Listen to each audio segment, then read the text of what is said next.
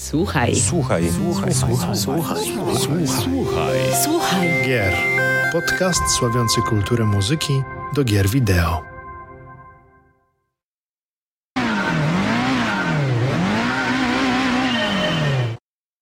Dzień dobry, dobry wieczór. Z wirtualnego studia, jak zawsze, kłania się w pas Mariusz Borkowski oraz Paweł Dębowski.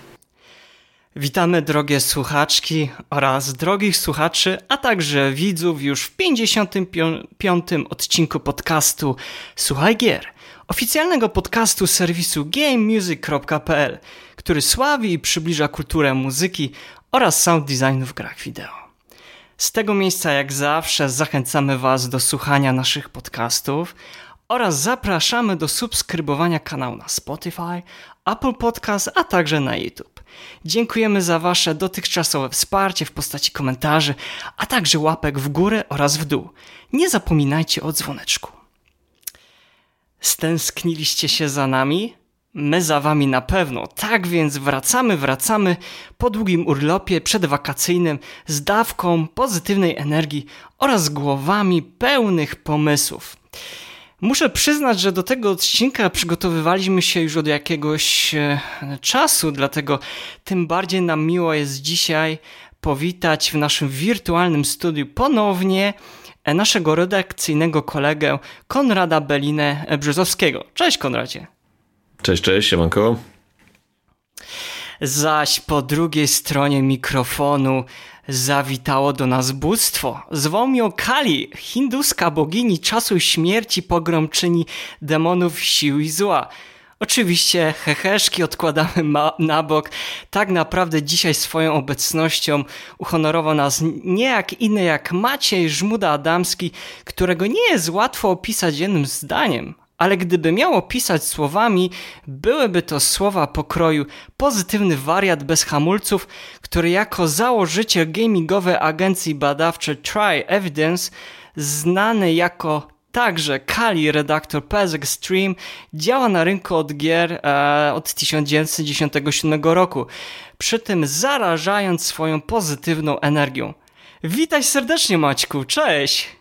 No cześć, witam. No powiem ci, że aż mnie troszkę zatkało po takim um, intro, ale no jakoś tej, e, porozmawiamy sobie dzisiaj o muzyce, bo nie ukrywam, że e, poza tym, że dla mnie muzyka e, elektroniczna jest moją pasją, no to właśnie gry przede wszystkim i jakoś tutaj właśnie chyba sobie połączymy obydwa fakty. Zdecydowanie, szczególnie o jednym takim specjalnym gatunku dzisiaj będzie mowa, a mianowicie o muzyce do gier wyścigowych, ale, ale zanim jakby przejdziemy do tego gorącego te tematu, a zawsze rozmawiamy tradycyjnie o tym, co ostatnio słuchaliśmy. Może zacznę e, tym razem od e, Konrada. Konradzie, co ostatnio u ciebie się kręciło? Wiesz co, no głównie, głównie u mnie w ostatnich e, dwóch tygodniach kręcą się e, prace moich studentów, ponieważ sesja się już zaczęła nieodwracalnie i, i podsyłają mi swoje prace e, z dźwięku interaktywnego oraz syntezy. Także głównie to są, to są rzeczy e, zawodowo-szkolne, których musiałem odsłuchiwać, ale udało mi się dwie, dwie rzeczy fajne trafić w, w szeroko pojętej muzyce elektronicznej. Mianowicie e, Delta Heavy wypuściła e, bardzo fajny duet, wypuścili epkę pod tytułem Hydra, dwa świetne, świetne bangery klubowe. No i Mizantrop wypuścił album długogrający e, pod tytułem chyba Galaxy? Nie, Universe. Universe. Też bardzo mm, szalone koncepcje e, dźwiękowe. E, teoretycznie w sosie klubowym, e, drum and bassowym, ale tylko teoretycznie, bo jest tam dużo utworów, które e, gną troszeczkę zasady tego, co na parkiet normalnie byśmy wpuszczali. Okej, okay, no to baz leciał głośno w takim razie. No i bardzo. A... Powiem tak, sąsiedzi słuchają. Ma... Nie wiem, czy lubią, ale słuchają. Okej. Okay. E, Maćku, a co, co ty miałeś ostatnio okazję e, prze, przesłuchać? Co lecie, leciało u ciebie z głośników? Znaczy, ja nie ukrywam, że wciąż jestem pod wrażeniem pewnej imprezy, kiedy Chris Liberator, e, legenda Acid Techno, przyjechał po raz kolejny do Wrocławia. No, osoba, którą nie miałem okazji już w latach 90. słyszeć we Wrocławiu i nie tylko, i, i za granicą. E, no i tak mi troszeczkę zostało, że jeżeli chodzi o jakieś seciki, miksy, no to cały czas leci właśnie e, Chris Liberator, Aaron Liberator, Dave the Drummer, klimaty acidowe, ale poza tym, no też odkryłem coś e, w sumie nowego e, i co, co, co moim zdaniem idealnie by się nadawało do gier. Jest taka formacja, która się nazywa, nazywała się na, na początku Eskimo Callboy. E, teraz się nazywają Electric Callboy, ale ten, jeżeli ich ktokolwiek posłucha, to jest muzyka elektroniczna plus mocne riffy gitarowe i takie taki klimat dosłownie Devil May Cry. Gdyby był Capcom, od razu bym ich zaangażował do tworzenia soundtracku przy Devil May Cry kolejnym. Mm, to ja pierwszy raz słyszę, to tym bardziej mnie z, z, z, zaintrygowałeś. Domyślam, że Konrad jako sympatyk muzyki klubowej to już też sobie spisał i gdzieś tam może poniekąd w wolnej chwili przesuwa, tak? Więc naprawdę wielkie dzięki za propozycję. No to jest coś, to jest coś nowego i to też warto zobaczyć sobie z teledyskiem, bo goście mają swój styl, e, często tak lecą sobie po bandzie, te parodiują skutera, na przykład jest utworek Hypa Hypa się nazywa, e, ale e, utwór dokładnie Electric Callboy, e, czyli We Got The Moves, to jest coś, co ja bym widział po prostu jako utwór main team do Devil May Cry'a nowego. Okej, okay, super. Dzięki. E, Pawle, a co u ciebie się ostatnio kręciło? No może niekoniecznie kręciło, ale tak jak słuchać za oknem, głównie słucham śpiewu ptaków, które ryczą za moim oknem. A tak na serio, to w ostatnim czasie mm, odsłuchuję dużo soundtracków z beatemapów, tych klasycznych to już może posłużyć, posłużyć za pewien spoiler, jaki temat pojawi się u nas w podcaście w najbliższym czasie, ale fakt faktem, że chciałem wrócić do tych dźwięków z klasycznych beatemapów, już nie tylko Street of Rage czy Dinosaurs vs. Cadillac, ale też Final Fight wziąłem sobie na, na warsztat, również nieco nowsze tytuły jak River City Girls, mm, ale również e, Teenage Mutant Ninja Turtles, ten całą te, raczej pierwsze cztery części, czyli ta trylogia, która pojawiła się na, na Pegasusa, no i Teenage Mutant Ninja Turtles, uh, Turtles in Time uh, na SNESie, ale też wziąłem sobie, za, posłuchałem sobie również ich aranżacji na, na automaty i najdłużej przesiedziałem Najdłużej przesiedziałem przy muzyce do drugiej części, która pojawiła się na automatach i przy niej trochę wsiąkłem. No ale no cóż, cóż powiedzieć, research, e, research trzeba zrobić do następnego odcinka. Ja na przykład jestem mm, pod wielkim wrażeniem, jak udało się do tej zremasterowanej wersji muzyki e, Shredder Revenge, Żółwie Ninja, zaprosić Wu-Tang Clank. Jak tam Oj, jest tak. ten jaka ta piosenka jest przecudowna, naprawdę zdarzy, zdarzało mi się w ciągu dnia, że zaokrągliłem i cały czas słuchałem. To jest naprawdę rap, hip-hop no, z najwyższej półki. E, jeszcze pamiętam lata 90., jak oni wtedy byli. E. Znaczy, trudno, trudno czasami przenieść niektóre dźwięki, niektóre gry, tak na nową sprawę, które znasz z lat 80., 90., na współczesny grunt, tak żeby były po pierwsze grywalne dla współczesnego młodego gracza, ale też żeby nie kalać pamięci tego, co było te 20-30 lat temu. Mhm, dokładnie. E, no, u mnie może to nie będzie nic nowego, ale troszeczkę wr- wróciłem o kilka lat, albo nawet kilkanaście lat. Mianowicie Gran Turismo Original Game Soundtrack e, Masahiro Ando, Ted Naba.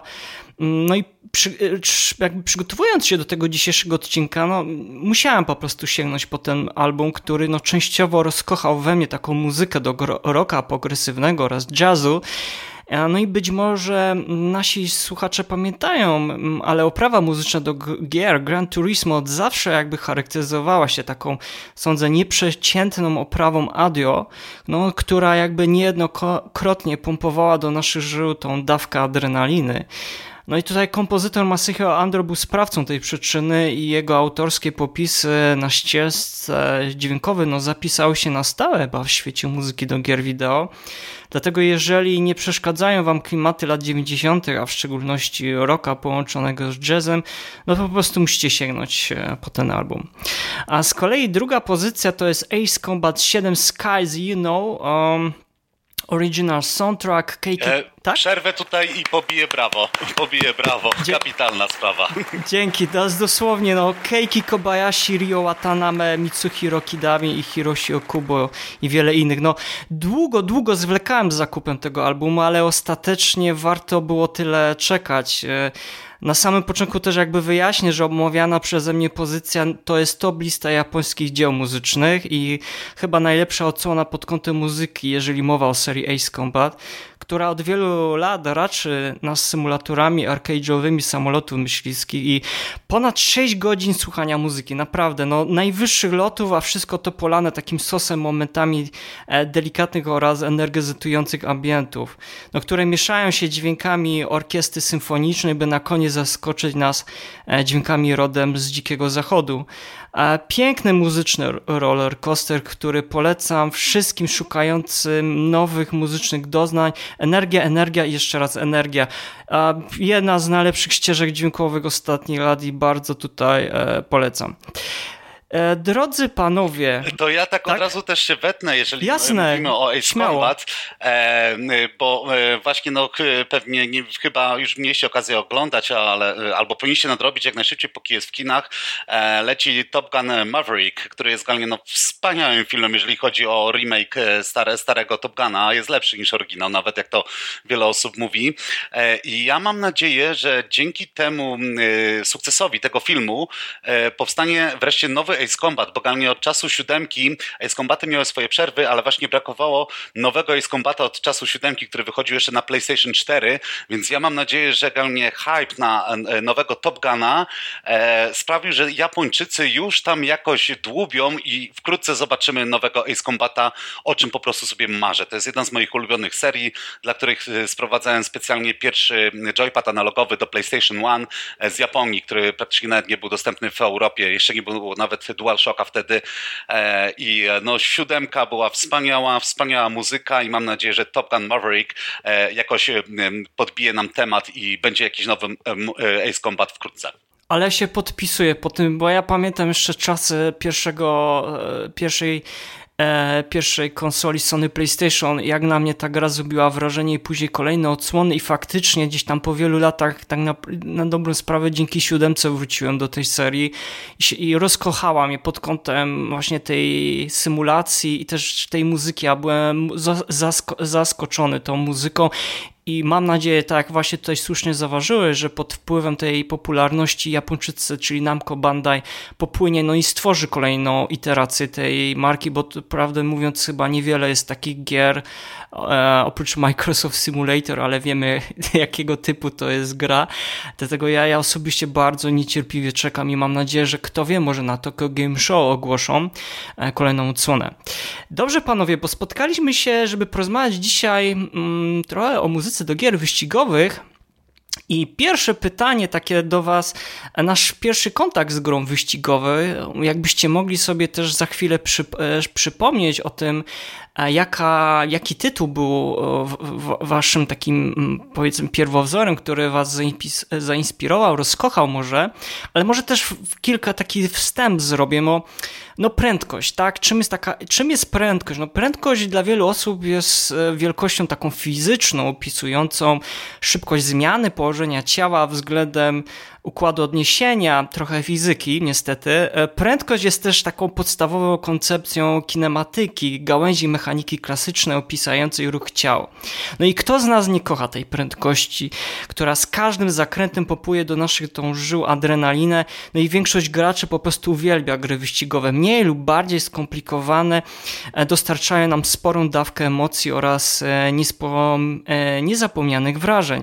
Jednak to nie wszystko, to nie wszystko wszystkie korzyści, ponieważ, jakie dają nam mm, gry wyścigowe, ponieważ należy pamiętać też jeszcze o muzyce, która jak cała reszta pełni bardzo istotną rolę w tej układance. Tak więc Maćku, jakbyś miałbyś sobie przypomnieć, jaka była twoja pierwsza gra, która rozkochała cię w gatunku gier wyścigowych? E, tutaj ciężko, ciężko mi wskazać tą, tą tą najpierwszą, że tak powiem, tak to ujmę, która była najstarsza, bo to pewnie, pewnie będzie coś jeszcze na salonach e, automatowych, ale takie już na stacjonarnych komputerach, które pamiętam i które takie na mnie zrobiły wrażenie, to już w czasach 8-bitowych komputerów, e, poza tym, że już wtedy był test drive, ale to jeszcze nie był, nie był taki szok, e, to na Atari 65XE była gra, która się nazywa, nazywała Road Race, a pełna nazwa to była Cross Country Road Race i tak naprawdę gra była o tyle zadziwiająca, że już wtedy, w czasach, w latach 80., w połowie lat 80., e, to był wyścig przez Stany Zjednoczone i można wybrać było sobie, jaką trasą pojedziemy przez te Stany Zjednoczone i tam się wiele rzeczy mogło wydarzyć. Mogliśmy, ten samochód, e, mógł się spalić silnik, jeżeli za bardzo e, chodziliśmy na wysokich obrotach, bo i była skrzynia manualna w ogóle dostępna, co było chyba, nie wiem, pierwszy raz w ogóle w grach wideo dostępne. Trzeba było uważać na paliwo, kiedy trzeba się zatrzymać, zatankować i pojechać dalej. I to były, wiadomo, lata 80. to jeszcze były symboliczna grafika o muzyce, to nawet ciężko tutaj wtedy mówić. E, to były bardzo śmieszne MIDI co najwyżej. No ale później właśnie w grach wyścigowych, gry wyścigowe zaczęły uderzać bardzo mocnym soundtrackiem. E, I tu mówię już o erze 16 bit, kiedy mieliśmy e, serię Lotus, kiedy mieliśmy nawet odtwarzacz magnetofonowy niejako, na którym mogliśmy sobie przełączać różne kawałki. I wiadomo, z Lotusa 2 samo main team, ten utwór utworek, który się pojawiał w trakcie intro, e, został na wieki jako kultowy. Co najśmieszniejsze, Lotus 2 z całej serii, jako jedyny w, w samej grze nie miał podkładu muzycznego, tylko były naturalne dźwięki, ale samo intro już z tego, tego Lotusa robiło wrażenie i wtedy też na Amidze powstała kapitalna gra wyścigowa Jaguar XT220, nie pamiętam jak się nazywała, też właśnie z e, odtwarzaczem i która właśnie stawała się sprzedać to, że nie mamy z jednej strony ładną już grafikę, ładnie to wszystko wygląda, ładnie pędzi, ale przy tym mamy też bardzo dobrą muzykę. No a później to już wiadomo, to już galnie się rozkręciło, bo i Need for Speed zaczął się e, rozkręcać z każdą kolejną e, odsłoną coraz bardziej, więc galnie no od, od, ta, od tamtej pory gry wyścigowe zaczęły stawiać na muzykę, no ale przełomem takim absolutnym przełomem, e, jeżeli chodzi o muzykę w grach, no to będzie chyba seria, o której sobie dzisiaj porozmawiamy, czyli Wipeout, wydana w 1995 roku, e, produkcja startowa na PlayStation 1. Mm, no ja wiem, że to jest, to jest chyba twoje oczko w głowie, tak więc liczymy, liczymy w sumie chyba wszyscy na to, że tutaj e, pozytywnie nas jeszcze zaskoczysz jakąś nie jedną swoją anegdotką, e, bo, bo naprawdę, no tam, tak jak właśnie powiedziałeś, ta ścieżka dźwiękowa oprawa, która tam była przygotowana, można by powiedzieć, że troszeczkę też namieszała e, w rynku gier, gier wideo i była rewolucyjna pod jednym względem, ale sądzę, że to też za chwilę będziemy o tym e, rozmawiać. E, Konradzie, a jaka była twoja pierwsza miłość wyścigowa? Pierwsza miłość to Need for Speed 1. Miałem wtedy, nie pamiętam, no, pewnie tak jak z Dumem, bo to był mniej więcej ten sam czas, kiedy wychodziły te gry, więc więc, więc byłem male, maleńkim bajtlem. I wtedy jeszcze nie zwracałem uwagi na e, muzykę i w ogóle na oprawę audio w grach wideo. Po prostu było super, bo można było u kuzynów sobie pojeździć samochodzikiem i policja mnie ścigała. E, natomiast takim faktycznym dla mnie prywatnie przełomem, i to też mówię dopiero z perspektywy lat, był, e, była praca Roma Di Prisco przy drugim Need for Speedzie. Ja wiem, że tam oczywiście do bodajże czwórki i Jeff Van Dyke i Saki Kaskas byli obecni. E, I, I, sporo ich muzyki było w też drugim Need for Speedzie, ale jednak e, utwory pokroju Rom, Romulus 3 E, na mnie niesamowite jarzmo nałożyły e, i, i właściwie współtworzyły e, wraz z twórczością Jean-Michel Jara, Wangelisa i, i, i paru innych kompozytorów muzyki elektronicznej, mój, mój gust i, i później to, że poszedłem w tę stronę samemu z produkcją muzyczną, że jednak muzyka elektroniczna dla mnie jest najbardziej intrygująca. Mm, ale faktycznie w grach wideo to zdecydowanie pierwszy taki, taki mocny wpływ to był NFS 2.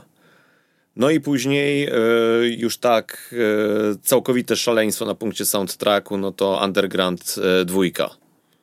Że wtedy, ale to podejrzewam, że wszystkie dzieciaki, nie wiem czy, czy, czy na świecie, ale w Polsce podejrz- bo ile, ilekroć się patrzy, ilekroć gdziekolwiek się wspomni o, o soundtracku z Undergrounda dwójki, to nawet e, ludzie, którzy są już w pełni dorośli, którzy, którzy nie grają w gry, albo ba, nawet nie grali w gry jakoś szczególnie pasjami, czyli z reguły siostry tych, którzy grali w NFS-a i tak znają, zasłuchiwali się w e, tych wszystkich dziwnych wariacjach na temat e, dorsów e, w remixach z Snoop Dogiem, czy, czy, czy, czy oczywiście Paul Van Dyke w remixie Sirusa, który, który do dzisiaj jest jednym z najbardziej kultowych utworów e, elektronicznych soundtracków. E, niestety ja byłem PC Master Race, bo, bo nie było e, możliwości, żeby posiadać playaka, dziecięciem będąc, ale tak jak dla ciebie Wipeout, Kali jest, jest takim punktem ważnym w soundtrackach samochodówkowych, czy tam wyścigowych bardziej, E, tak dla mnie Roll Cage. Zdecydowanie Roll Cage jedynka i te soundtracki to jest takie mięsko. Mm.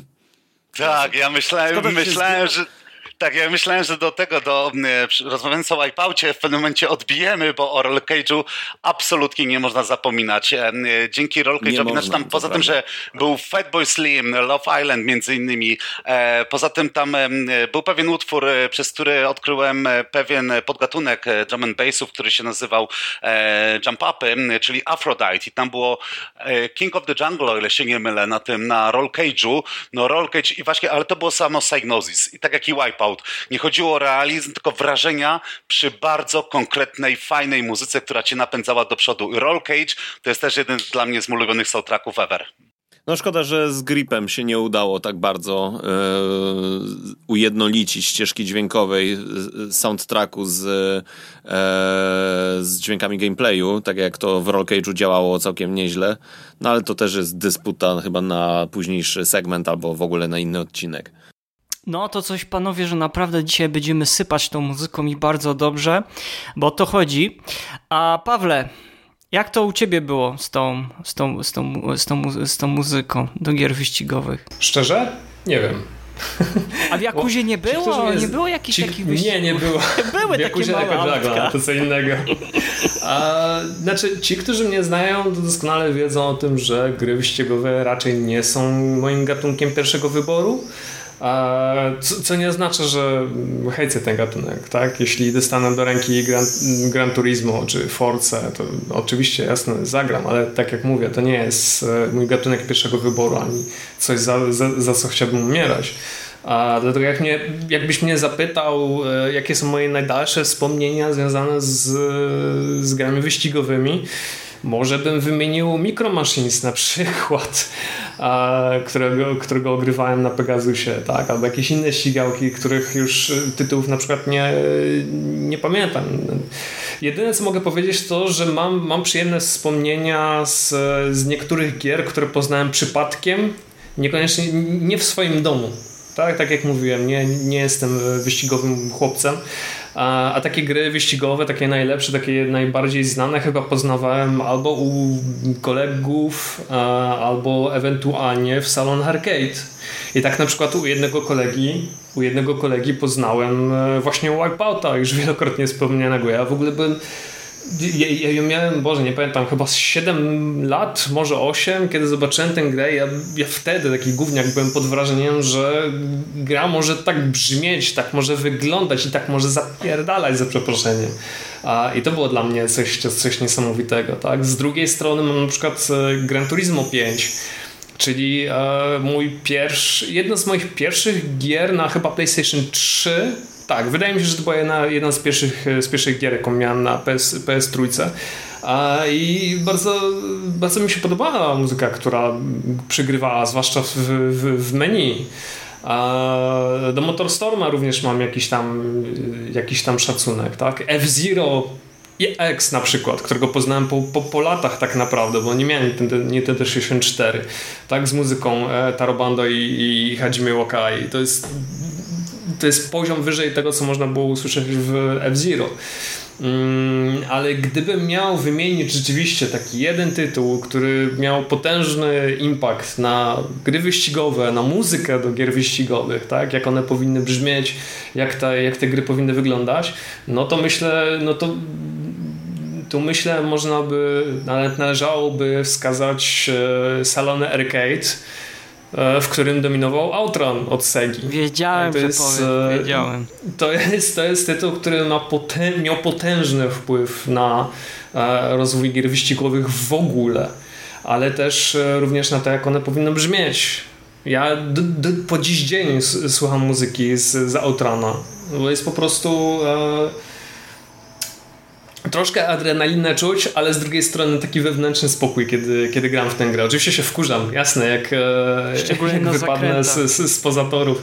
Dokładnie, ale mimo wszystko ta muzyka ze mną pozostanie. To jest e, to, co zrobił Hiroshi Kawaguchi jest e, no, przez długi, długi, bardzo długi czas był nie do przebicia, nie do pobicia. Tak, Outrun będzie takim tak jak, tak jak mówiłem, nie jestem e, człowiekiem od wyścigów, nie znam się, e, nie jestem jakimś wielkim fanem, ale jakbym miał właśnie skazać taki tytuł, który, do którego chciałbym wrócić, gdy, gdybym, gdybym miał tylko do wyboru gry wyścigowe, no to myślę, że Outrun byłby na, na, na, na moim pierwszym miejscu. Mhm. No można powiedzieć, że zrobiłeś taki spoiler, bo to też będzie tytuł mój, za chwilę o nim powiem. Ja pamiętam z mojej strony to wyglądało tak, że no chyba jak każdy z nas jako chłopiec szukał i mając już kontakt z tą elektroniczną rozrywką, to szukał swoich ulubionych gatunków, to znaczy grał praktycznie wszystko, tak? Od jakichś powiedzmy gier platformowych, strzelanek przygodowych, po klikowych, po e, wymieniony Doom tutaj i właśnie gry wyścigowe, tak?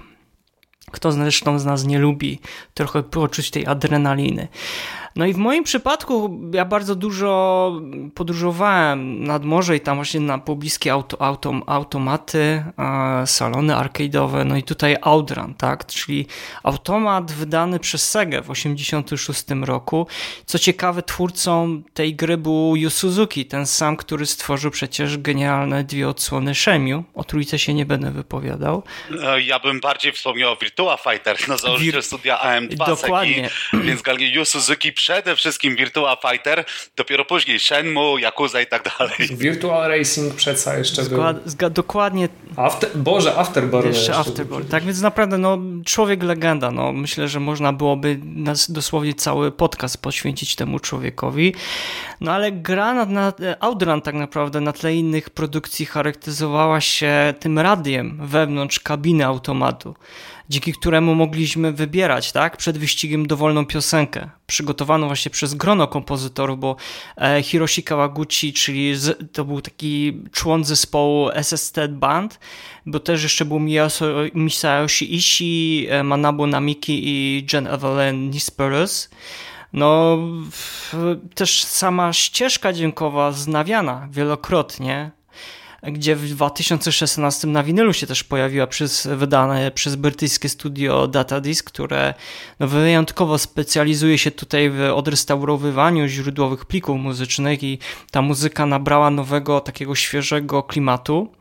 No a też trzeba pamiętać, że same e, piosenki jak na wówczas produkowane gry wideo no, były przygotowane z taką ogromną starannością na wysokim artystycznym poziomie, bo pomimo tych ograniczeń sprzętowych, słuchając ich wówczas, no, mieliśmy takie wrażenie, że mamy do czynienia no, z kompozycjami przygotowanymi przez grono profesjonalnych zespołów muzycznych, no, które się właśnie specjalizują w tym gatunku muzyki pop, funk, latino oraz disco. No i pod wpływem tych e, piosenek no, dużo wyrosło a wyrosło muzyków, tak, którzy chociażby w takim serii dokum dokumentów Digital Cards się wypowiada na temat tej ścieżki dźwiękowej. No do dzisiaj tak naprawdę przez wielu krytyków muzycznych muzyka do Outrun uważana jest jako taki kamień milowy w udźwiękowieniu do gatunku gier wyści e, wyścigowych. Tak więc myślę, że dla mnie osobiście, jakbym miał wrócić do takiego najstarszego wspomnienia, no to Outrun bez, bez dwóch zdań jest tą grą. No i tutaj poniekąd wiele innych tytułów, które zostały już wymienione między innymi przez e, Kaliego, Konrada i przez e, Pawła. No i z biegiem lat, jak już pokazały się nowe, nowe sprzęty, tutaj chyba konsole miały bardzo duży wpływ na to, jak te gatunek gier wyścigowych i też pod kątem rozgrywki też muzyki się rozwijał, miał bardzo duży wpływ. No ale dobrze panowie, no to przypomnieliśmy sobie trochę tych, e, tych naszych ulubionych, albo od czego się zaczęła ta nasza miłość.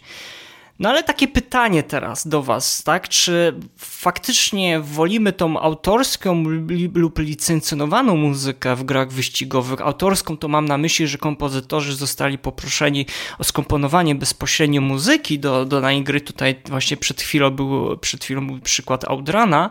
No a z kolei na przykład e, Wipeout to jest taki najlepszy chyba przykład tego, że ta muzyka była licencjonowana tam. No i ja na przykład, oczywiście to jest moje, moje osobiste mm, zdanie, o za chwilę jakby się wypowiem na ten temat, ale jakbyście mieli powiedzieć, nie wiem, macie jakiś swój wybór, czy jednak ta autorska, licencjonowana lub oba podejścia. Maćku, jak to u ciebie jest na przykład? E, czy wolisz autorską, licencjonowaną muzykę do gier wyścigowych? Tak, e, no to to jest e, dosyć skomplikowane pytanie i tutaj jak sięgniemy nawet do źródeł, do samego Wipeouta pierwszego, będziemy mieli pewną zagwozdkę. E, w ogóle dwie anegdotki, jeżeli chodzi w ogóle o Wipeouta, tego pierwszego, który wychodził w 1995 roku. Anegdotka, która może nie jest aż tak szeroko znana, to twórcy, zanim stworzyli Wipeouta, to grali w Mario Kart, czyli wiadomo, grę, która nie jest realistyczna, go karty, wyścigi i w pewnym momencie e, stwierdzili, że oni wyłączą w ogóle wszystkie dźwięki i muzykę z Mario Kart, e, Brytyjczycy, a puszczą sobie dobre, mocne techno. I co się okazało, że e, wykręcili wtedy wyniki, których im się nie udawało. Zaliczyli puchary, które były nieosiągalne i oni stwierdzili, że faktycznie no to trzeba zrobić wyścigi, które nie będą stawiały, nie muszą być realistyczne, absolutnie. Będą stawiały na prędkość, ale żeby tą prędkość podkręcała muzyka. I to taka jedna pierwsza z anegdotek, jeżeli chodzi o Wipeouta, a, też taka moja też e, prywatna, jeżeli chodzi w ogóle, dlaczego też Wipeout dla mnie jest taki istotny i w ogóle jeżeli chodzi o moje preferencje muzyczne, e, bo no, wcześniej byłem w ogóle fanem zupełnie innej muzyki. Bardziej wolałem metal, grunge, hard rock, ale w momencie, kiedy Kurt Cobain e, palnął sobie shotgunem w łeb, to jakoś się wszystko pogubiło i zacząłem szukać czegoś innego. I tak, z jednej strony ja zawsze byłem wielkim miłośnikiem muzyki instrumentalnej, instrumentalnej. Zarówno twórców takich jak Mike Oldfield, jak i generalnie samej Filharmonii. Ja będąc nastolatkiem jeździłem regularnie do Filharmonii, bo pierwszy raz jak usłyszałem skrzypce na żywo, e, to się poczułem oczarowany. I zauważyłem, że generalnie nie szukam tyle piosenek z refrenem powtarzalnym i tak dalej, co samej właśnie muzyki. I to był mój taki pierwszy krok do muzyki elektronicznej. Dlaczego ona mnie tak zaczęła fascynować? I to się łączy właśnie z Wipeoutem, e, bo tam mamy e, już na pierwszym, e, w pierwszym wipeoutie, tym oryginalnym z 1995 roku, e, pojawiają się takie formacje jak e, moje ukochane Orbital czy Chemical Brothers z pierwszej płyty Exit from Planet Dust. I to się jakoś spięło, że w pewnym momencie tak mnie zmieniło, że nie wiedziałem już, jakie są moje preferencje muzyczne, to jest to, czego szukam. I teraz wracamy po anegdotkach do meritum, czyli galnie, czy licencjonowana, e, czy też e, autorska muzyka. I to jest skomplikowane pytanie, bo galnie muzyka licencjonowana czym jest. Jeżeli generalnie autor jest bardziej znany, wydał może płytę albo zrobił jakieś zasięgi na YouTubie. E, ale weźmy, e, weźmy tutaj właśnie pod uwagę chociażby tego pierwszego Wipeouta. Tam zdecydowana większość utworów, poza tym Orbitalem, czy też właśnie Chemical Brothers, e, większość utworów e, skomponował Tim Wright, znaczy znany jako, bardziej jako Cold Storage e, kompozytor i to, to jest człowiek, który działał z tą muzyką od lat 90. w czasach jeszcze, kiedy Sagnosis, czyli oryginalni twórcy Wipeouta, którzy później się przekształcili w Liverpool Studio tak naprawdę, kiedy Sony ich wykupiło, to on pracował z Sagnosis już przy grach 16-bitowych i ten gościu wyrobił sobie taką markę, że do tej pory jest nawet, y, jak się skończyła seria Wipeout na Wipeout Omega Collection, wyszedł Pacer, stworzony przez twórców Wipeouta i tam Cold Storage oczywiście y, ma ogromną ilość swoich kawałków i jest marką samą w sobie, tak jak na przykład y, Jasper Kidd. Wszyscy go wcześniej, wcześniej kojarzyli tylko i wyłącznie ze sceny, demosceny, z muzyki demoscenowej, ale się okazało, że jako kompozytor zbudował taką swoją markę, że w tej chwili, jeżeli jest Jasper Kidd, to powiemy, czy to jest muzyka jego autorska, czy jeżeli jest jego kawałek jakiś zawarty, czy to jest generalnie muzyka licencjonowana.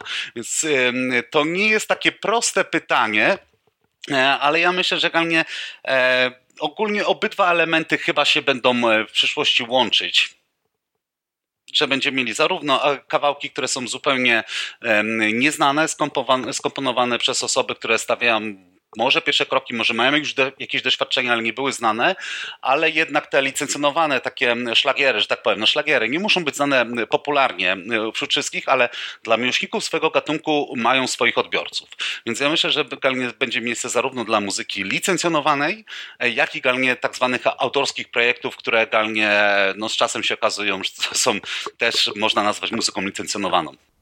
Ja myślę, że to już nawet, nawet się e, podziało w, pod koniec lat 90., jak pierwsza odsłona Gran Turismo się przecież pojawiła, bo tam była muzyka e, specjalnie skomponowana i też były utwory, piosenki, na przykład The Garbage i wielu innych takich Moment, moment, moment, tu się zatrzymamy chwilę, bo Gran Turismo w momencie, kiedy się pojawiło przy swojej premierze, ja to pamiętam, bo specjalnie pierwsze Gran Turismo e, ściągałem z Japonii i też pierwszego DualShocka do Gran Turismo ściągałem z Japonii.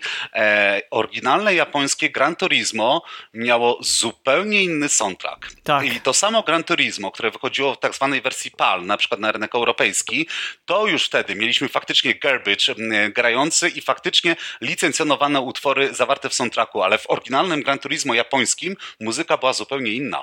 Tak, tak. E, bardzo słusznie, że tutaj to zauważy, zauważyłeś i uzupełniłeś to. E, i, się, i jak najbardziej rad, e, zgoda tutaj, tylko że też chyba przyzna, że to był taki właśnie chyba jeden z niewielu chyba początków tego, że można było to, co o czym powiedziałeś i, e, i jesteś tego zdania, że te dwa e, światy muzyczne się już zazębiają i to nawet widać w tych e, przyszłych, e, nowych, nowych produkcjach, bo nawet Forza, Forza Motorsport ma to, że niektóre piosenki też są licencjonowane albo są na przykład specjalnie komponowane cel, dla celów samej, samej gry i to się chyba sprawdza, tak? E, nie wiem, czy masz takie wrażenie, że to jest jednak faktycznie dobry, dobry, dobry kierunek e, muzyki do gier wyścigowych? Znaczy ja to bacznie obserwuję i e, znaczy mi się wydaje, że nie można oddzielać jednego z drugim. Jeżeli coś jest dobrze zrobione pod dany tytuł, e, to być może to z czasem się wybije i zostanie jakimś szlagierem, e, ale właśnie bardzo warto dopasować odpowiedni kontent do tego, co się dzieje na ekranie. Bo mamy takie aktualne przykłady, jak na przykład taki, taka gra indie, Music Racer się nazywa. To jest gra bardziej rytmiczna. Niby jedziemy autem, ale chodzi o to, żeby omijać przeszkody, zbierać tam różne rzeczy i tam jest, soundtrack jest bardzo duży. Mało tego, w tym najnowszym Music Racer to e, ten soundtrack się zmienia. Tam e, e, dodatkowi autorzy dodają własną muzykę i sobie można ją ściągnąć i, i, do tej muzyki sobie pojechać, albo nawet wgrać własne utwory, które wygenerują nam te niby ścieżki. Gra jest słaba jako rytmiczna, ale, ale już tam można wyhaczyć parę utworków, które mogą wpaść w ucho i tak zostać z nami na, na, na dłużej, że tak powiem. Mhm, mhm. Konrad, a jak to u ciebie jest? E, czy wolisz tą autorską, licencjonowaną muzykę w grach wyścigowych? Lubię dobrą muzykę w grach wyścigowych. E, odpowiem e, przekornie, ponieważ nie ma tutaj dobrej odpowiedzi, e, jedynie słusznej, bo znamy i soundtracki wybitne, które były skomponowane, znamy też soundtracki wybitne, które zostały mm, wylicencjonowane, znamy też i odwrotne przypadki, tak? Czyli na przykład soundtrack z Eee, dobra, może wbiję kij w mrowisko, bo wiem jacy są fani, sam jestem fanem, ale wybaczcie, soundtrack z pierwszego Carmagedona jest zupełnie zapomniany w tej chwili. Eee, natomiast e, podobne wrażenie mam z soundtrackiem licencjonowanym do Need for Speed Hit, który nie był złą grą, e, złym, złym arcade'owym e, ścigantem, ale jednak e, muzyka zupełnie rozjechała się z E, przynajmniej moimi e, oczekiwaniami e, i nie wiem jak tam nie, inaczej, bo Zresztą napisałem to w recenzji, tak, że, że być może jestem już na etapie bycia starym dziadem e, samochodówkowym i po prostu kiedyś, prawda, te e, kanciaste samochody w NFS-ach mi nie przeszkadzały w undergroundzie, bo soundtracki były, e, były świetne i tam też powstało troszeczkę e, remixów, czy tak jak w latach poprzednich są traki komponowane przez Kaskasa, Van Dyka czy, czy e, Deep Risco, ale e, to te, te, też mi się wydaje, że to nie jest tak do końca, że ja się zupełnie rozjeżdżam z e, oczekiwaniami rynku, bo soundtrack licencjonowany do Forcy Horizon, tej ostatniej, według mnie siedział. I mimo tego, że tam poza drum and bassami oczywiście wpuszczałem wszystkie e, radiostacje, jakie były e, dostępne i, i te bardziej rockowe i te bardziej popowo, hip-hopowe. I ta selekcja bardziej mi się działa w, w Horizonie najnowszym niż e, w Need for Speed Hit, także e, ryzyko wydaje mi się, jakie zawsze popełnia deweloper decydując się na kompozytora lub na licencjonowanie są, są mniej więcej podobne, to znaczy albo ugryzie, albo nie ugryzie, albo to sprosta większej ilości fanów e, oczekiwaniom, albo absolutnie, absolutnie na to nie będzie e, żadnych szans. Także nie wydaje mi się, żeby mm, od razu wyjść z założenia, dobra, idziemy w kompozytora, bo to nam daje e, większe bezpieczeństwo, na przykład w kwestiach prawnych, bo o tym jeszcze nie wspomnieliśmy, ale znane są przecież przypadki, może nie z samochodówek, ale z innych gier wideo, że po 10 latach wygasła licencja i e, znikają radiostacje, tak? Tak było w GTA. No, GTA jest. Tak, tak. E, zresztą... Tak jest, tak, tak. Tak też mamy właśnie w Wipeoutie, bo jak wychodziło nawet Omega Collection, które nie zbierało w sobie poprzednie odsłony, to dla fana idealnie byłoby, gdyby każda z tych gier dostępnych w tej kolekcji miała swój oryginalny soundtrack, nie ale nie ten soundtrack, miał tylko licencję. Nie, nie, i musieli w ogóle skomponować własny soundtrack z tego względu, że na przykład licencja była tylko i wyłącznie na ten tytuł i być może w jakimś okresie czasu, tak, więc tak, tak.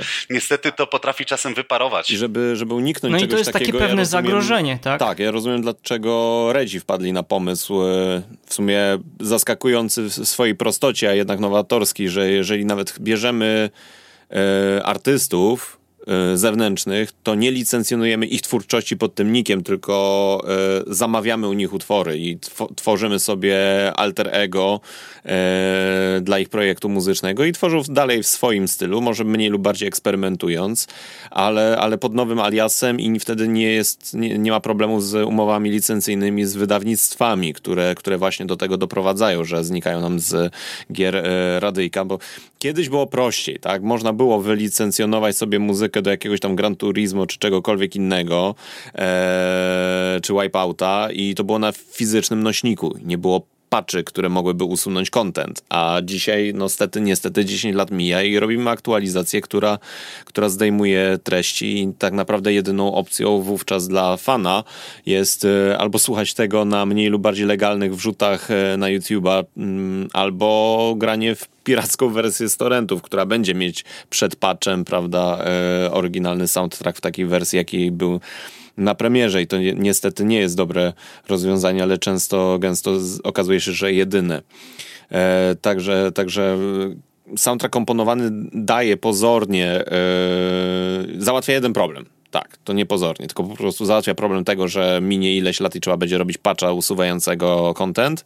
Natomiast e, z drugiej strony jest ryzykiem takim, że właśnie, no, jeżeli nie weźmiemy artysty, który jest znany, e, no to wtedy nasza gra robi za wizytówkę dla twórcy, a nie na odwrót, czyli za bardzo nie można się chwalić artystą, którego się zwerbowało do, do projektu, podczas gdy licencjonowane soundtracki pozwalają nam, zwłaszcza jeżeli zakroimy szerzej, a nie mm, tak jak w Wipeoutie czy Roll Cage'u idziemy stricte elektronika, właściwie pewien wycinek elektroniki, czyli bardzo mocno zrytmizowana, dynamiczna, e, ekspresyjna i agresywna muzyka elektroniczna, tylko tak jak właśnie w Need for Speedach, czyli dajemy to zresztą było praktycznie od początku, tak? Dajemy trochę elektroniki, trochę rock'n'rolla, później wjechał pop i, i, i, i hip-hopy w różnych, w różnych wariacjach też pomiędzy tymi gatunkami. To dawało e, z reguły bardzo dobre, bardzo dobre efekty. Tylko tutaj problem jest taki, że mm, co ileś lat no, pojawiają się nowi artyści, nowe gatunki, muzyka się albo rozwija, albo popełnia swego rodzaju regres. No, w tej chwili ostatnia, no, nie wiem, dekada może to za dużo powiedziane, ale przynajmniej ostatnie pięć lat przy wielu gatunkach muzyki popularnej to jest totalny regres w stronę mm, nawet bym nie powiedział brutalizmu, tylko e, czy, czy zamierzonego minimalizmu, bo minimalizm może brzmieć pięknie i, i, i mimo wszystko e, bardzo bogato, tylko właśnie idziemy w taki mm, prymitywizm muzyczny, gdzie, gdzie liczba instrumentarium spadła do, do właściwie niezbędnego minimum. Praktycznie każdy beat rapowy brzmi w tej chwili podobnie do siebie, o ile nawet nie tak samo. Zresztą też rozmawiam czasem z kolegami artystami, którzy mówią, że no tak, robią na przykład bity rapowe na zlecenia z jednej paczki sampli i jadą już trzy, trzy dyskografie trzem różnym artystom, e, bo, bo to wystarcza. E, tutaj oczywiście zawsze winić będę algorytmy YouTube'a, że YouTube zmusza nas do bycia natychmiastowymi artystami. My musimy tworzyć pod algorytmy, żeby nakręcać maszynę zainteresowania wokół siebie. I, i jeżeli nie wypuszczamy dwóch, trzech kawałków e, miesięcznie, e, to, to ludzie o nas zapomną, tak? bo algorytmy o nas zapominają. I to jest niestety straszne, że, że w tej chwili tak naprawdę komputer dyktuje nie tylko gustami, ale też sposobem produkcji i, i, i ekspresji artystycznej. Ale to też jest dyskusję na, jest, na zupełnie inny, inny temat. To jest do, dobre, co powiedziałeś. Ja bym to chciał rozwinąć na samym końcu, to co, e, ponieważ będziemy rozmawiać o przyszłości muzyki do gier, e, do gier wyjściowych. Ja bym się chciał na chwilę jakby z, e, zatrzymać, bo cały czas wracamy do tego Wipeouta. Ja myślę, że to jest taki dobry punkt odniesienia w ogóle później do tych gier wyścigowych, które miały w sobie tą muzykę licencyjną i tutaj też Kali wyniósł, wyniósł bardzo taki powiedzmy problem tego, że później ta wersja kolekcja, ta Omega, która się pojawiła na PlayStation 4, bo dobrze ją pamiętam, bo sam w nią, w nią ogrywałem i strasznie mi brakowało tych oryginalnych kawałków. Ale też Kali, przyznasz szczerze, że wtedy, kiedy ta ścieżka, oprawa dźwiękowa się pojawiła z tymi no, wszystkimi, można by powiedzieć, gwiazdami sceny klubowej, bo już wspomniany przez ciebie oczywiście e, The Chemical Brothers Orbital, którego też uwielbiam, no i też jeszcze trzeba pamiętać, że Prodigy też między innymi się tam poja pojawił. I też to, to był taki trochę znak czasów, e, bo ta, ta muzyka klubowa e, e, Wiemy, że ona jakby bardzo się rozwijała przez wiele lat w Niemczech i też Kraftwerk był po części tego jakby takim prekursorem, tak?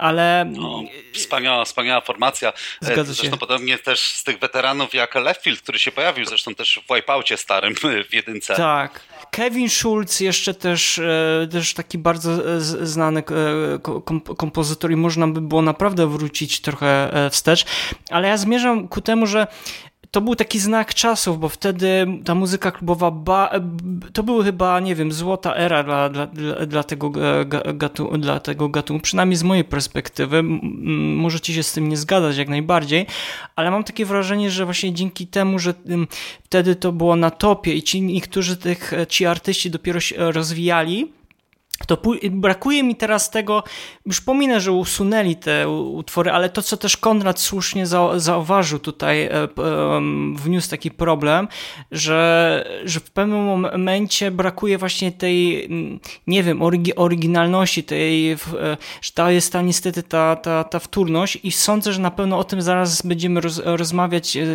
pod koniec nasz, na, naszej rozmowy, ale Kali, nie masz takiego wrażenia, że właśnie tego, tego brakuje? Że... E, to powiem Z czego tak, to no, wynika też? Znaczy dokładnie nawet odnosząc się do e, no, ostatniego Wipeouta, już raczej e, więcej Wipeoutów nie będzie, chociaż to nie wierzę. Myślę, że galnie Sony trzymając licencję na tą serię jednak nas jeszcze czymś zaskoczy. Mam nadzieję, taką no, cichą w sercu. Takim rezem, no, prawda? Wipeout w wersji VR-owej. Oj, oj, o, re, o, o rezie to, to jeszcze będziemy kiedyś to rozmawiać. Jest, to jest w ogóle temat na oddzielną rozmowę. Tak, tam galnie to jest się. nie tylko, nie chodzi o to, że to jest Adam Freeland tam gra, ale galnie samo udźwiękowienie, tak, czym ta gra jest, zjawiskiem synestezji, e, przenikania się zmysłów, więc to jest temat na oddzielną rozmowę. Ale tak wracając do tego właśnie Wipeout Omega Collection chociażby, które właśnie zawiera różne, e, e, trzy tytuły różne, to faktycznie brakowało tego, że na przykład nie możemy usłyszeć Firestartera Prodigy, który był w Wipeout 2097 na przykład, ale z drugiej strony oni sobie doskonale poradzili. Nie mogli skorzystać z tej samej muzyki, która była licencjonowana, ale dołożyli swoje nowe licencjonowane kawałki, jak zawsze Chemical Brothers. Zresztą oni od pierwszego Wipeouta, e, dla nich, oni dopiero wtedy się wybijali. Tak naprawdę po pierwszym Wipeoutie, pierwszej albumie oni dopiero zaczęli grać koncerty, na przykład z e, Underworld, też kolejną brytyjską e, kapelą, którą uwielbiam, która się zresztą też pojawiła niejednokrotnie w serii Wipeout, ale oni się dzięki temu zaczęli rozwijać ja myślę, że to była jakaś taka wdzięczność, że oni poczuli jakąś taką więź i z twórcami, i z tą grą i Chemical Brothers się pojawiało wielokrotnie, wielokrotnie na przestrzeni serii w różnych odsłonach i w e, Omega Collection może nie mamy tego oryginalnego Chemical Brothers z jedynki, ale mają e, z albumu z 2015 roku mają utworek e, Chemical, więc mamy nowych Chemical Brothers więc, i mamy też Prodigy w tym Omega Collection z albumu, który wydali po latach i tam jest utworek Invaders Must Die, więc może nie mamy Firestartera oryginalnego, ale mamy też mocne nowe kawałki. Mhm. Pawle, jakbyś to miał podsumować, jak to wolimy, tą autorską lub licencjonowaną? Co jest lepsze dla, dla gier wyścigowych w twojej opinii? Znaczy ja zawsze większą estymą będę darzył mimo wszystko oryginalny soundtrack stworzony od, od samego początku do końca, ale lic przeciwko licencjonowanej muzyce naprawdę nic nie mam, bo mamy mnóstwo gier, w których licencjonowana muzyka zdaje bardzo dobrze egzamin. Tutaj no, odejdę może trochę od e, muzyki wyścigowej, bo to już chłopaki po powiedzieli, ale patrzę tutaj na przykład na serię Tony Hawk Pro, Pro Skater, a, gdzie y, ta muzyka wypada świetnie, fantastycznie i ona y, utrzymuje się do dzisiaj. Tylko no właśnie, jeśli ktoś mimo wszystko decyduje się na, y, na muzykę licencjonowaną, no musi liczyć się z pewnymi problemami. Tak? Stworzenie, tworząc oryginalną ścieżkę dźwiękową, te, część tych problemów oczywiście w jakiś sposób odchodzi, ale, ale właśnie tylko część. Natomiast jeśli chodzi o tę muzykę licencjonowaną, to już chłopaki powiedzieli, że no, te, ta licencja po iluś tam latach wygasa i trzeba gimnastykować i kombinować w jakiś sposób ją, ją zastąpić. Czy kupujemy nową licencję, czy robimy coś nowego i tak dalej ale tu chciałbym zwrócić uwagę na jeszcze jeden mały, drobny problem, który nie został, e, nie może został liźnięty, ale ja tego nie zwróciłem na to uwagi. Mianowicie to, w jaki sposób powstaje taka playlista do, e, do muzyczna do, do, do gier wyścigowych. Dlaczego ścieżka dźwiękowa do Tony'ego Hawka e, Pro Skater zagrała, ponieważ wybrano do niego takie utwory i takie zespoły, które są słuchane, słyszane przez e, środowisko skaterskie. To są takie zespoły, które wtedy e, były bardzo popularne na tym środowisku. Słuchali ich na okrągło, wtedy w radiu czy na płytach CD. Natomiast w przypadku gier wyścigowych, no Konrad tu chyba powiedział o jednym, jednym soundtracku do jednej gry, która nie zeżarła i, i ja się, ja się mogę tylko pod tym też podpis, podpisać. To wszystko też zależy od umiejętności wyboru, wyboru takiej muzyki. Trzeba po prostu również znać swoich fanów, wiedzieć, czego chcieliby posłuchać, jakie są również trendy. Mimo wszystko, no jednak, jednak ta muzyka dalej się w jakiś sposób mm, rozwija w wolniejszym e, czy, czy powolniejszym tempie. Te listy przebojów e, dalej, dalej istnieją i dalej promują, w cudzysłowie promują e, nową muzykę. Również trzeba je słuchać, również trzeba, trzeba ją znać. To jest to jest coś, o czym mówili na przykład twórcy Life is Strange, tak? Nie, jeśli chcecie korzystać z muzyki licencjonowanej, spoko, ale nie róbcie z soundtracku do gry swojej własnej prywatnej playlisty. To, że wy lubicie Ozzy'ego Osborna, to, że lubicie The Prodigy, e, to, że lubicie jakichś innych artystów, nie oznacza, że będą lubieni przez e, waszych odbiorców. Trzeba znać rzeczywiście swoich odbiorców, trzeba znać ich mimo wszystko gusta. Tak? Jeśli, chcemy, jeśli chcemy rzeczywiście wykorzystać e, muzykę licencjonowaną po to, o czym Konrad w, w, pewien sposób też powiedział, tak? po to, żeby ludzie kojarzyli naszą grę właśnie przez tę muzykę tak? Czyli jeśli wpiszę taki utwór na, na YouTube'a, czy na SoundClouda, czy na Spotify, czy gdziekolwiek, posłucham danego utworu i pomyślę, o, to leciało, e, to leciało w, w, w, takiej, takiej grze, spoko, tylko naprawdę trzeba zrobić potężny research, trzeba się nad tym naprawdę usiąść i mocno zastanowić, jaka ta muzyka miałaby być. No ale again, trzeba też mieć pewną alternatywę na wypadek, gdyby ta licencja mimo wszystko koniec końców wygasła. Też nie można stać cały czas za, za muzyką sprzed 10-20 lat, trzeba mimo wszystko iść zgodnie z trendami. Wiesz co, tak a propos tego, co powiedziałeś, ja się zastanawiam hmm? i bardzo chciałbym e, kiedyś móc e, porozmawiać, jeżeli to byłoby możliwe, z człowiekiem, który przy trylogii Undergrounda odpowiadał za, e, to się chyba nazywa Music Supervisor, e, czyli za właśnie poszukiwania muzyki muzyki do, do tych Need for Speedów i, do, i wylicencjonowania ich, jak, jaki był proces, czy, czy szło za tym jakiekolwiek targetowanie, czyli właśnie, nie wiem, odpalamy e, MTV, bo chyba w tamtych czasach jeszcze grało muzykę częściej niż, niż inne pierdoły, czy, czy inne stacje, czy to było sprawdzanie top dziesiątek list przebojów ówczesnych, czy, czy właśnie zagrało coś zupełnie innego. E, czyli jakieś, jakieś wewnętrzne wyczucie, mm, bo Wiesz co, wydaje mi, się, wydaje mi się, że z racji tego, że mm, tworzenie gier to jest pewien proces, no to musieli również e, wziąć pod uwagę to, do jakiego konkretnego odbiorcy startują i muszą, musieli zrobić jakiś potężny research wokół właśnie No właśnie tutaj osoby. się zastanawiam, znaczy, tutaj jak bo, mówimy... Bo jeżeli... O, czekajcie, czekajcie, bo no, do, ma, przepraszam Konradzie, bo Maciek... Dobra. Cut, tak? cut, okej. Okay. E, tak się chciałem wciąć, e, bo mówiłem właśnie o Need for Speed Underground, e, no zwłaszcza dwójce, czy jedynce też, ale obydwie części, właśnie chodzi o to, żeby muzyka się dokładnie łączyła z duszą gry, która, mm -hmm. którą przedstawia. I to, jaki jest soundtrack w Need for Speedzie, to jest dokładnie te nielegalne wyścigi nocne, to są dokładnie klimaty szybkich i wściekłych, pewien, pewien taki zamknięty obszar subkulturowy, który ma swoje specyficzne brzmienia i to im się udało idealnie odzorować właśnie przy Need for Speed Underground. Mhm.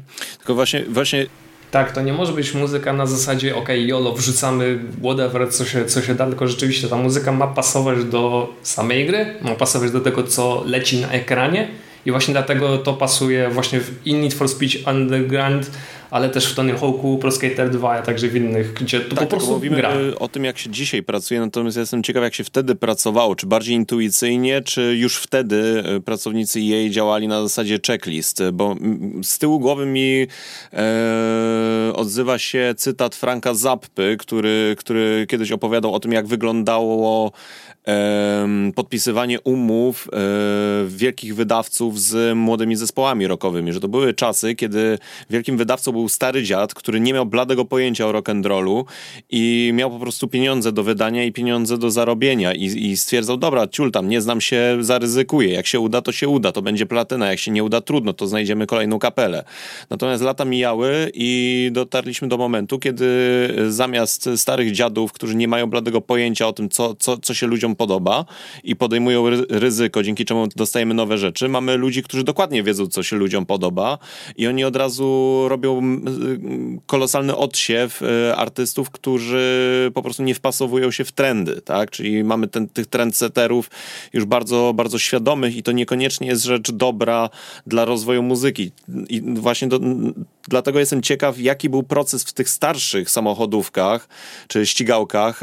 Czy, czy to było na zasadzie właśnie wizja, czy, czy lucky mistake, tak jak Kali opowiedział o tym testowaniu, tak, Mario Karta z, z Techno i, i się nagle okazało, wow, to, to zadziałało. No to był prawdopodobnie przy, zbiór przypadków, tak? E, szczęśliwy, że ktoś słuchał takiej muzyki i lubił taką muzykę i trochę dla żartu to puścił, no bo jednak Mario Kart się ze wszystkim kojarzy, ale nie z Chemical Brothers, nie? Więc, e, więc to po prostu musiało, musiało fajnie zagryźć i na początku było śmiesznie i podejrzewam, podejrzewam, że jestem w stanie sobie wyobrazić taką sytuację, jak dwóch typiarzy najpierw dla beki coś takiego puszcza, grają jeden, jeden mecz, drugi mecz, trzeci mecz, nagle rekord, drugi, trzeci e, i w tym całym rechocie pełnym niedowierzania, że to w ogóle zadziałało, stwierdzili, dobra, zróbmy taką gierkę z taką muzą.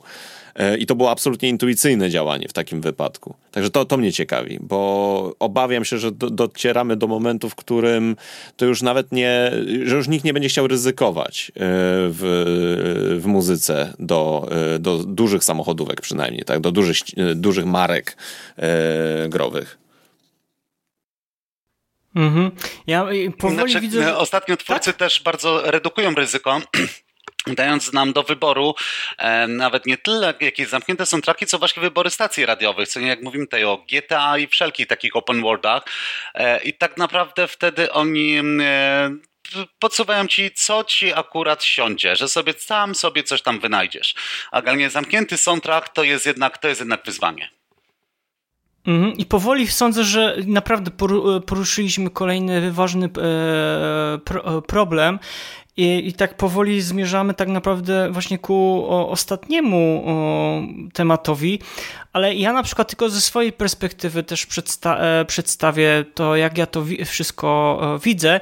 Też wiem, że jakiś czas temu mm, Codemaster odpowiedzialny za serię Formuła 1, teraz w tej nowej odsłonie, we współpracy właśnie z Electronic Arts, mają współpracować z artystami, mm, którzy będą do tej różnorodności bolidów, tak?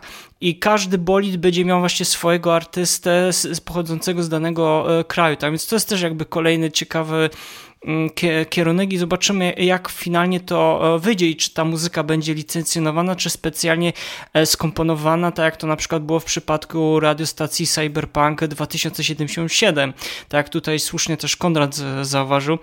Ja mam, to znaczy, ja na pewno jestem jak najbardziej za tym, co Kali powiedział, to znaczy, żeby te dwa światy się ze sobą jakoś zazębiały, tak, żeby była ta muzyka licencjonowana i też jakby specjalnie skomponowana do danej gry.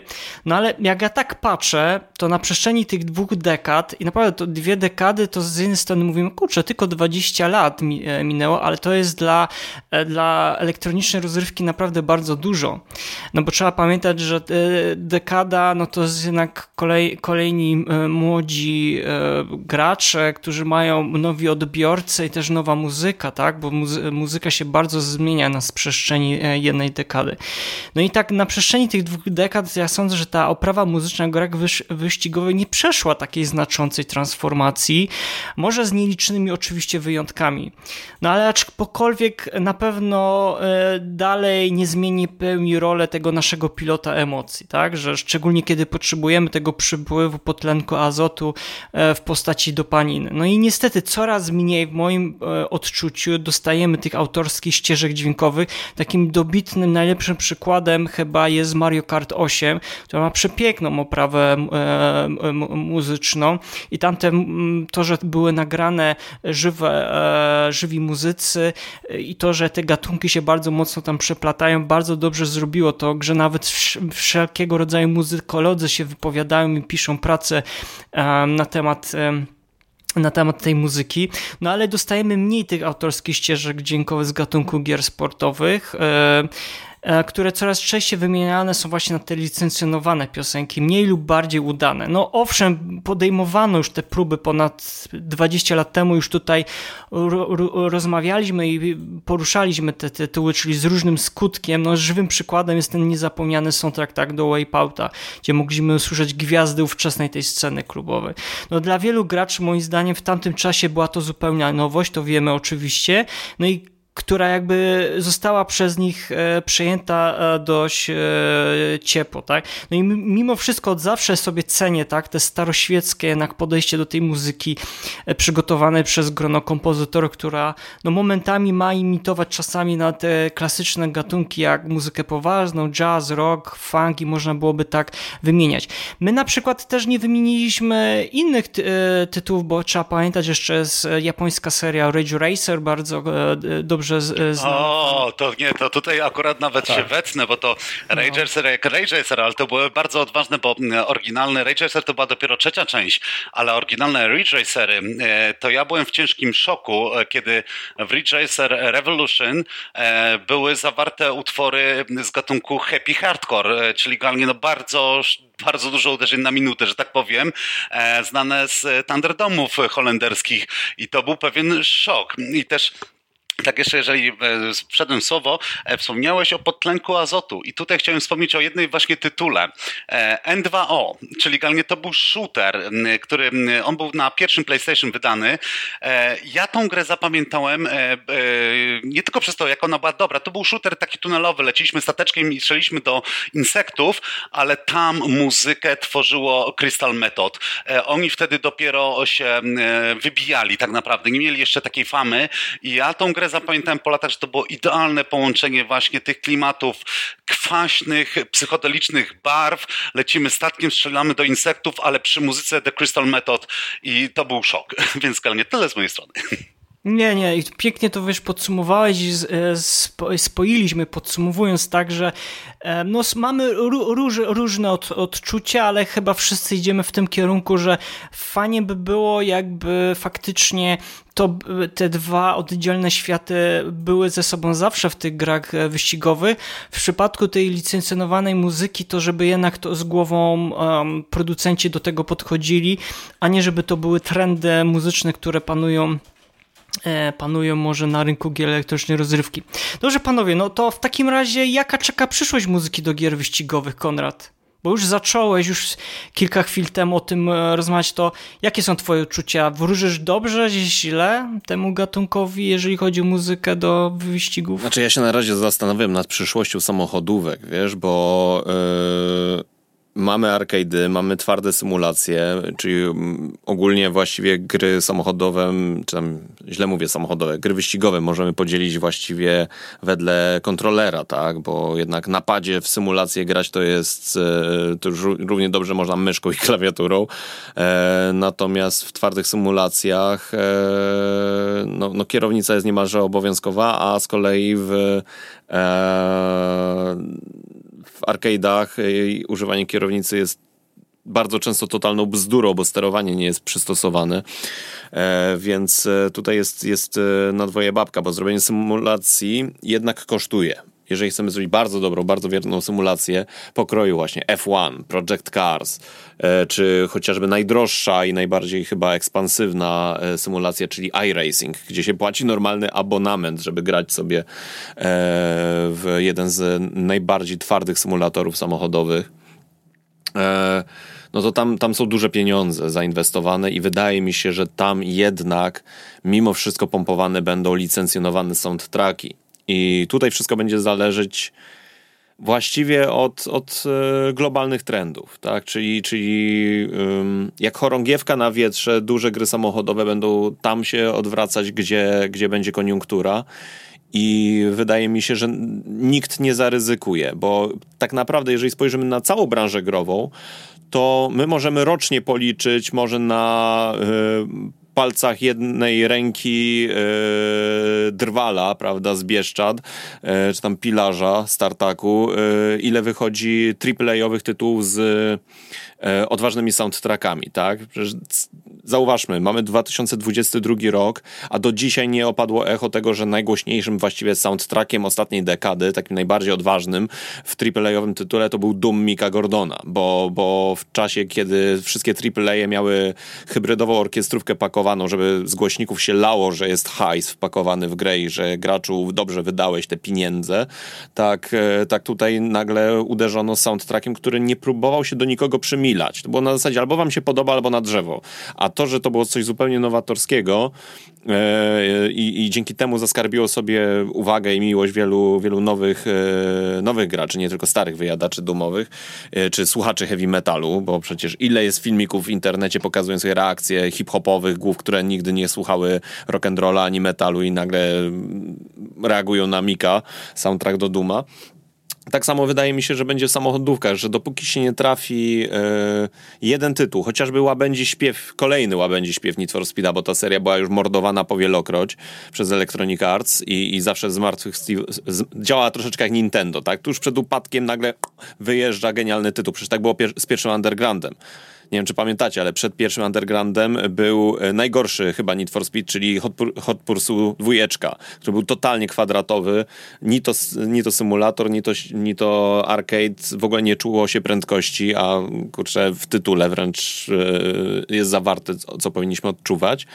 Eee, więc tu mi się wydaje, że, że, że AAA-owe tytuły jednak będą cały czas łopotać na wietrze e, ludzkich gustów i, i trendów społeczności globalnej, natomiast arcade'ówkami i, i wszystkimi ścigałkami, gdzie nie mamy symulacji, gdzie mamy w, najlepiej w ogóle tak jak w Redaucie, tak, rakiety jakieś e, powykrzywiane, przecież w dwójce Redaut, Redauta to te rakiety to już nawet nie są posklejane ze sobą do kupy, tak, to już są jakoś tam e, fruwające bloki, skrzydełka odczepione i, i to się jakoś tam e, nie wiem, czy to ma jakiś lore tłumaczący, dlaczego te rakietki tak, tak wyglądają, ale wygl wygląda to fajnie. E, i, I w takich grach, ponieważ mamy mniejsze budżety i mamy mm, też troszeczkę bardziej wybaczający mm, setting, e, bo nie musimy się przypodobywać, tak? nie, nie robimy sceny e, podziemnej nielegalnych wyścigów, czy sceny symulacyjnej, czy wyścigów NASCAR, czy, czy F1, cokolwiek, tylko robimy no, jednak wysokooktanowe, bo właściwie zasilane paliwem rakietowym maszyny. Tutaj można zaszaleć, tylko też wydaje mi się, że trzeba myśleć nie tylko o wylicencjonowaniu czy napisaniu odpowiednio e, ciekawej muzyki do, do tego typu tytułów, ale też świadomie podejść do implementacji muzyki e, w takich grach. Bo nawet Mario 8, Mario Kart 8, który jeżeli chodzi o implementację soundtracku, jest prymitywny. On działa na bardzo prostej zasadzie jedziemy, zaczyna się wyścig, w, na ostatnim okrążeniu muzyka się przetasowuje, albo przyspiesza, albo tam jest po prostu inaczej zaaranżowana, ale brzmi po prostu jakby była troszeczkę bardziej spiczowana. Po prostu jakbyście winyla nagle przełączyli z 33 na 45 obrotów. E, I to z reguły wystarczy, żeby podekscytować, że to jest ostatnie okrążenie, a przy okazji jak tam ktoś zbierze gwiazdkę, no to się muzyka zmienia na tą, która jest z gwiazdki. Proste. E, ale to, to, to, to z reguły już, już robi jakąś robotę, bo tam balans pomiędzy efektami dźwiękowymi, a muzyką jest bardzo dobrze zachowany. E, to samo to samo powinno być w każdej kolejnej grze samochodowej, żeby muzyka mogła pompować. Przykład Horizon tak? E, w sensie nie Forbidden West, tylko Forza Horizon, e, gdzie, gdzie implementacja licencjonowanych kawałków jest zrobiona w taki sposób, żebyśmy faktycznie czuli, jakby ta muzyka była scalona z gameplayem każde przejechanie mety to jest jakiś, jakiś tam ciekawy akcent y, efektowy, plus jeszcze fragment utworu, który idealnie ma się wpasować w to, że przejechaliśmy, e, przejechaliśmy wyścig, przejechaliśmy metę. E, i, I też całkiem sporo utworów quasi licencjonowanych, tak jak Hospital Records, które tak naprawdę do ostatniej części Forcy Horizon e, wzięło swoich, e, wydawnictwo Hospital Records, wzięło swoich artystów i poprosili ich o napisanie utworów, które zostały wydane przez Hospital Records, ale jako muzyka z Forcy. Także prawdopodobnie tam jest umowa, nie wiem, ale obstawiam, że tam jest umowa napisana w taki sposób, że na ten konkretny tytuł ta muzyka in perpetuo zostanie, tylko, że mm, hospital może zarządzać kwestiami wydawniczymi na nośnikach cyfrowych, być może też na fizycznych.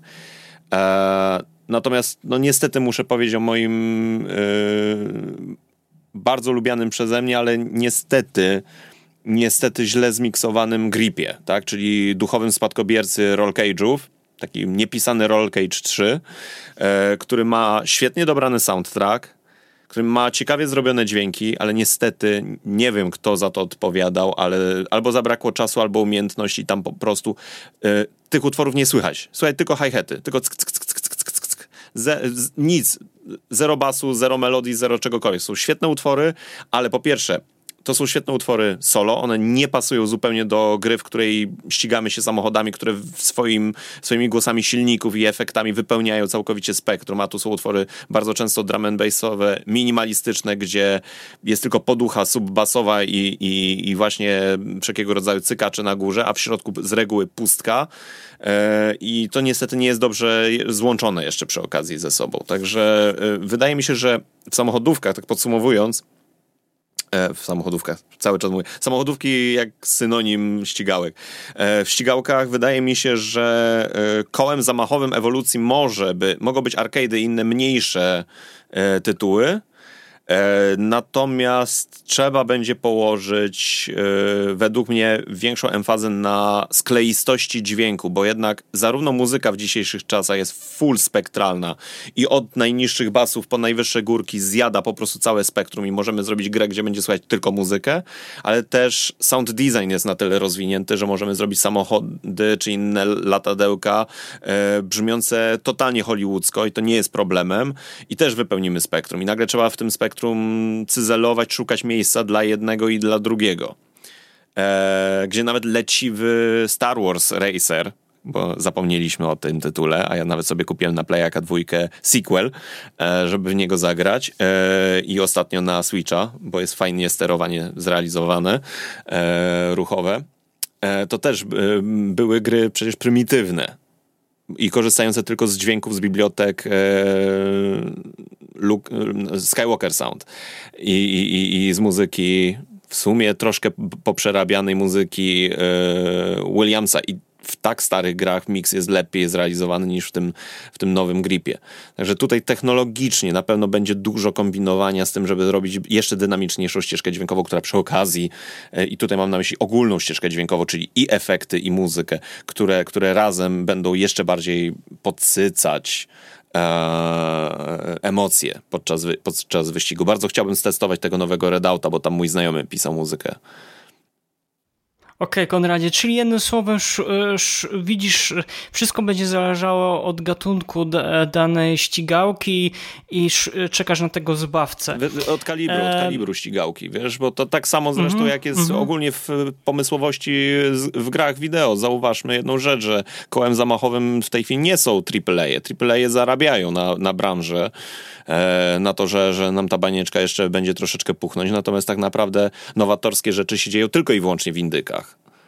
Także podejrzewam, że podobnie będzie ze ścigałkami, że to te mniejsze tytuły, które będą mieć e, zapalonych fanów, ale nie takich, którzy zjadają gierkę prawda, na zasadzie jak fani FIFA, e, tylko, tylko faktycznie czekają, wyczekują i chcą w to zagrać i, i, i się jarają soundtrackiem i gameplayem i wszystkim. Sądzę, że to, to, to będzie miejsce, w którym się może coś ciekawego dziać e, z muzyką, ale też niekoniecznie musi. Mhm. Maćku, jaka czeka przyszłość muzyki do, do, gier wideo wyścigowych? Faktycznie czekamy na tego The Chosen One, tego wybawcę? Czy jest potrzeba? E, wiesz co, to jest skomplikowana sprawa e, i ciężko teraz wróżyć mm, spod grubego palca, e, bo z jednej strony mm, obawiam się, że będzie, e, zwłaszcza przy dużych tytułach, które mają duży budżet, mogą pozwolić na, sobie mogą sobie pozwolić na licencjonowaną muzykę, no to będziemy mieli te stacje radiowe w danym gatunku muzycznym. Ja myślę, że generalnie to jest tylko kwestia czasu, bo wiadomo, że to jest skomplikowane aktualnie ze względów prawnych, ale w takich grach, w których generalnie nie liczy się, żeby stworzyć kompozycję obraz i muzyka, żeby to tworzyło jakąś jedną spójną całość, tylko żeby sobie słuchać czegoś, co, co, co podchodzi pod gusta, to ja myślę, że w przyszłości doczekamy się jakiejś integracji z na przykład, nie wiem, ze Spotify'em, czy też nie wiem, czy z YouTube'em, tylko że no, musiał być w wersji premium bez reklam, w którym nie będzie gracz mógł sobie zamiast wyboru stacji dźwięk, ten radiowej podpiąć własną playlistę. Ale z, z jednej strony, ale z drugiej strony ja zdecydowanie no, wolę to, żeby nie gra oferowała mi jakiś zamknięty soundtrack, który jest faktycznie spójny z tym, co ta gra ma przekazać, jakie ma wrażenia ze sobą. Co nie? Tak więc nie, na cała muzyka elektroniczna, mówimy, że ona jest agresywna i tak dalej, ale no wiadomo, mamy też, no, to jest tak wiele gatunków, że są no, zupełnie, zupełnie inne gatunki, które e, są i chillujące, ambientowe. No zresztą nawet w całym Wipeoutie pojawiał się Future Sound of London, które jest znane bardziej z, ze spokojniejszych e, utworów. E, więc ja mam nadzieję, że wciąż będzie miejsce na jakieś fajne, zamknięte kompozycje. AAA pójdą oczywiście zawsze w licencję, radio, albo w końcu zrobią jakąś integrację z jakimiś popularnymi serwisami, dzięki którym będzie można sobie też odpalić własną muzykę, ale moim prywatnie dla mnie to nie tędy droga. Ja wolę jednak mieć, jeżeli gra przedstawia e, spójną wizję e, tego, co się dzieje na ekranie i tego, co słyszymy. Mhm. Paweł, a jak ty, jak, jak wróżysz z fusów, jeżeli chodzi o przyszłość muzyki do gier wyścigowych? Jako kompletny ignorant powiem to w ten sposób. Jeśli widzę, mm, patrzę na rynek gier wyścigowych, to widzę tam przede wszystkim trzy tytuły. Są to Gran Turismo, Forza, może Formuła 1. I to tyle. To są potężne gry, potężne serie, za którym stoją potężne pieniądze i cała ta kasa będzie tak naprawdę ładowana nie w jakąś tam muzyczkę, która ma, e, ma lecieć w tle, nie w kompozytora. To wszystko pójdzie w technologię, w rozwój tych gier. Te gry, to, to ładne widoczki i dobry feel, e, feeling w czasie jazdy samochodem sprzedają, e, sprzedają te gry, a nie tak naprawdę muzyka. Także nie wierzę, nie chce mi się nawet wierzyć, że któreś z, któreś z wydawców, któreś z tych firm będzie chciała e, wydać potężną górę pieniędzy na kompozytora, który będzie chciał stworzyć jakieś, jakąś oryginalną muzykę. Także jeśli chodzi o oryginalność, no to tutaj postawiłbym tak naprawdę jeden wielki krzyżyk. Dalej będziemy mieli muzykę licencjonowaną, która ma po prostu sobie gdzieś pogrywać w tle i w sumie tyle. Chciałbym tylko y, uwierzyć w jedną rzecz, że to nie będzie taka muzyka wybierana na odwal, tylko naprawdę będą e, czuć, jakie utwory powinny się tam tak, y, powinny się tam znaleźć, no ale to już jest to już, to już tak naprawdę nie ode mnie zależy. I dlatego tak e, tutaj przechylę się do tego, co mówił i Konrad i do tego, co mówił Kali. Ja tutaj bardziej patrzę w stronę gier indie. Tam nie mamy potężnych e, funduszy, tam nikt nie wydaje nie wiadomo ile pieniędzy na na muzykę licencjonowaną, to już o tym nawet nie wspomnę. Tam siedzą przede wszystkim y, ludzie, którzy chcą tworzyć gry, lubią to, są pasjonatami. Tak, tak samo y, można powiedzieć o kompozytorach, którzy, którzy również zaczynają z, z takiego poziomu, a nierzadko robią naprawdę świetną robotę, chyba nawet lepszą od tych, tych najbardziej znanych nazwisk. I tutaj patrzę na przykład na taki tytuł, o którym nie powiedzieliśmy, a w sumie powinniśmy, czyli 80s Overdrive, czyli taki duchowy spadkobierca Outrana, w którego ostatnio długo się zagrywałem. Ja, tak jak powiedziałem na samym początku, nie jestem fanem ścigałek, ale to też nie jest jakiś, jakiś gatunek, który mnie odpycha, wręcz przeciwnie. A 80s Overdrive zabrało mi no, ładnych kilka, jeśli kilkanaście godzin e, z życia i w tej grze jest w zasadzie wszystko to, co podobało mi się w Outranie, tylko raz 10. Jak sobie przejrzę recenzje e, użytkowników, ja już nie mówię o recenzjach mediów, ale patrzę na recenzje graczy, użytkowników, no to pierwsze, co oni chwalą, to jest przede wszystkim muzyka. Ja się tutaj pod tym podpisuję. To jest fantastyczny soundtrack i nadal czekam na jakieś, e, na jakieś sensowne wydanie. Także jeśli jeśli tu miałbym patrzeć na tę oryginalność, e, gdzie szukać tej dobrej, oryginalnej muzyki, która będzie jeszcze w dodatku koherentna z tym, co widać na ekranie, no to właśnie patrzyłbym przede wszystkim na indyki. Pytanie, ile rzeczywiście tych gier będzie wychodziło i jakie, jak, jaka będzie, będzie e, skala użytkowników, którzy będą chcieli grać w, w, w, mniejsze, w mniejsze produkcje wyścigowe. No to to już jest pytanie na, na przyszłość tak naprawdę. Na to, to jest, to jest jedyna rzecz, na którą nie jestem w stanie odpowiedzieć. To jest ciekawe. A ja bym tak jeszcze wrócił, wrócił Tak. do tego, co jeszcze Konrad mówił odnośnie właśnie bardzo realistycznych gier wyścigowych.